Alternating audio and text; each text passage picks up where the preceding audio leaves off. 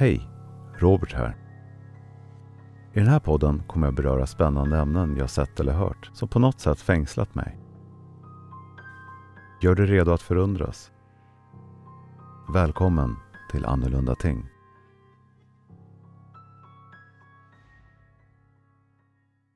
Vi vill varna känsliga lyssnare då avsnittet innehåller våld mot barn.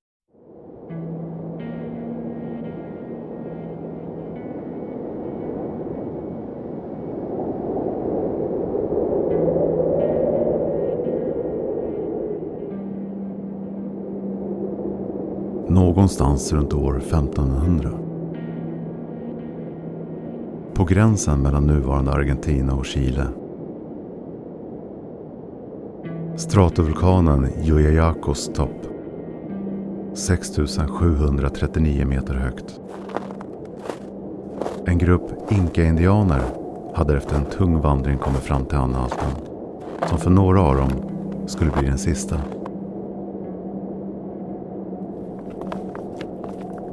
Vandringen hade varit lång och svår. Alla hade dock förberett sig för detta i över ett år. Alla var medvetna om vad som skulle ske härnäst. Luften kändes tunn och torr. Det var svårt att andas på grund av den höga höjden. Människorna flåsade så fort de lyfte en sten för att bygga. Kylan bet tag i vandrarna och de fick skydda sig så gott det gick. Indianerna startade en form av ceremoni där huvudpersonerna bestod av tre barn.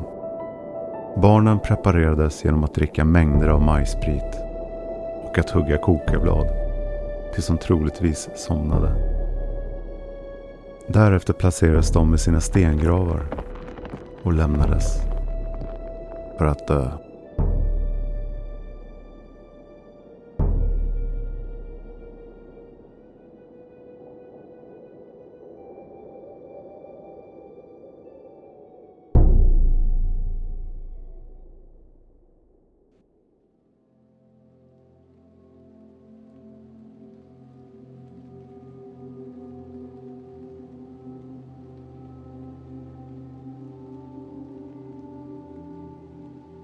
Barnoffer, eller capacocha, var en viktig ritual i inka-religionen och utfördes ofta vid viktiga händelser. Som exempelvis en Sapa Inka eller Inka-kejsarens död. Människooffer användes också i tider av svält som en gåva till gudarna för att byarna skulle få skydd. Detta kunde endast ske efter beslut av kejsaren. I det spretiga inkaimperiet valdes primärt barn med fysisk perfektion ut. Dessa barn tillhörde ofta adeln eller lokala ledare. Sen fördes de långa sträckor till huvudstaden Cusco där de renades genom ritualer innan de skickades upp till bergen för att offras. Precis det som hände barnen i detta avsnitt. 16 mars 1999 hittade Johan Reinhard och hans arkeologiska team tre begravda och mumifierade barn längst upp på stratovulkanen Yuyayaco på gränsen mellan Argentina och Chile. Teamet hade nästan gett upp på grund av dåligt väder och lång akklimatiseringsprocess inför bergsbestigningen. Men fortsatte lyckligtvis till toppen då de såg tecken på att människor hade varit där före dem själva. Vilka var inkafolket? Inkafolket var ett indianfolk i västra Sydamerika. Inkafolket blev den största folkgruppen i västra Sydamerika och blev till sist den största och mäktigaste kulturen under så kallade förkolumbianska tiden i Amerika. Inkarikets slutgiltiga fall inträffade då spanjorerna under ledning av conquistadorerna kom. De dödade inkarikets ledare och tog makten. Inkarikets armé kunde därefter lätt besegras. Inkariket erövrades av de spanska conquistadorerna år 1532. Inkafolket trodde att bergen var gudar som hörde bön och som man därför offrade till. Machu Picchu var en stad och även en rituell plats. Många tror att den var central för inka-indianernas kultur. Vad är speciellt med de offer vi har pratat om i detta avsnitt? Dessa tre begravda människor var barn, cirka 6-15 år gamla och är otroligt välbevarade, trots att de varit döda i 500 år. De har konserverats tack vare den kalla och torra miljön uppe på berget. Allt är bevarat precis som det var när de begravdes. Till och med kläderna och håret. Vilka var barnen? La Doncella. Arkeologer har döpt det äldsta barnet som var en flicka till La Doncella som på svenska översätts till pigan. Internationellt kallas hon dock för Maiden of Yoyoyako eller Jungfrun av Kapokocha och tros ha blivit utvald och helgad vid tio års ålder. Hon måste med andra ord ha förstått i flera års tid att hon senare skulle offras. Man tror att Ladoncella var den utvalde och att de andra två barnen var hennes skötare då de uppenbart inte var lika bra behandlade som hon själv. Håranalyser visar vilken diet hon hade och att hon tidigare varit en vanlig bondflicka. Då maten mestadels bestod av grönsaker i allmänhet och potatis i synnerhet.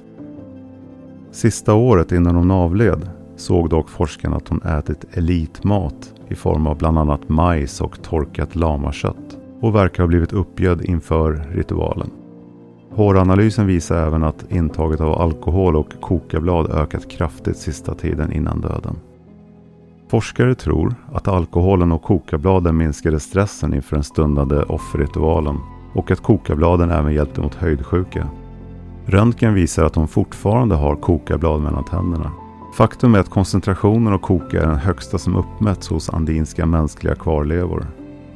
När La Doncella hittades satt hon något framåtlutad med benen i kors i en ganska avslappnad position.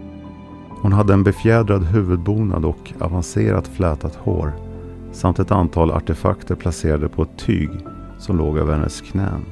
Man tror att hon satte sig i den positionen när hon fortfarande levde, alternativt precis efter att hon avlidit. La Niña del Rayo. Den sexåriga flicka som hittades kallas La Niña del Rayo eller Blixtflickan på svenska. Anledningen till namnet beror på att hon någon gång under årens lopp blivit träffad av blixten i graven, vilket orsakat skador på kroppen. Rayos huvud var avsiktligt förlängt och hon var klädd i en traditionell ljusbrun axutunika som var typisk för inkafolket. I övrigt var hennes huvud och delar av kroppen täckt av en tjock ullfilt. Rayo verkar ha blivit bättre behandlad än pojken El Niño. El Niño.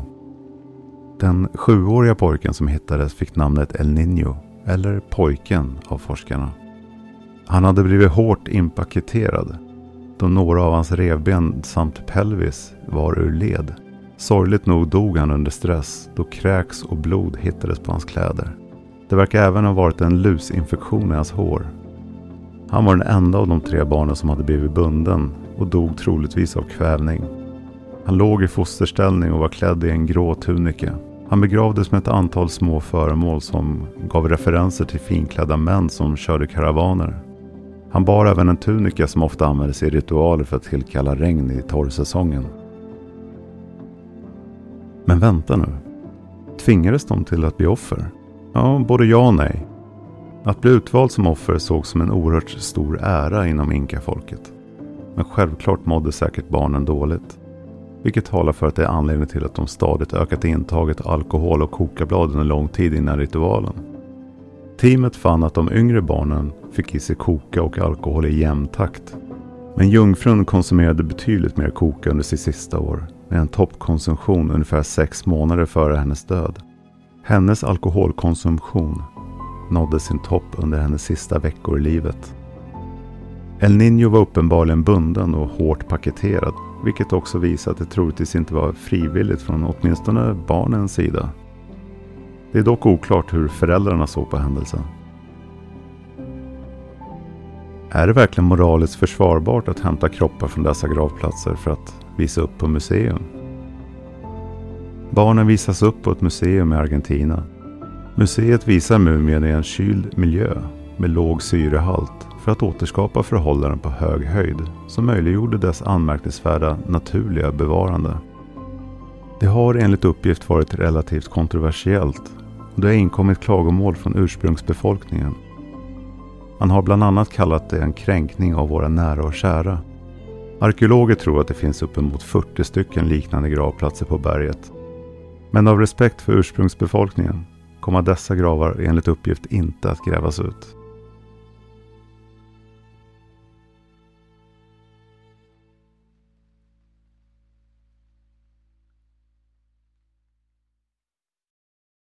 Tack för att du lyssnar på min podd.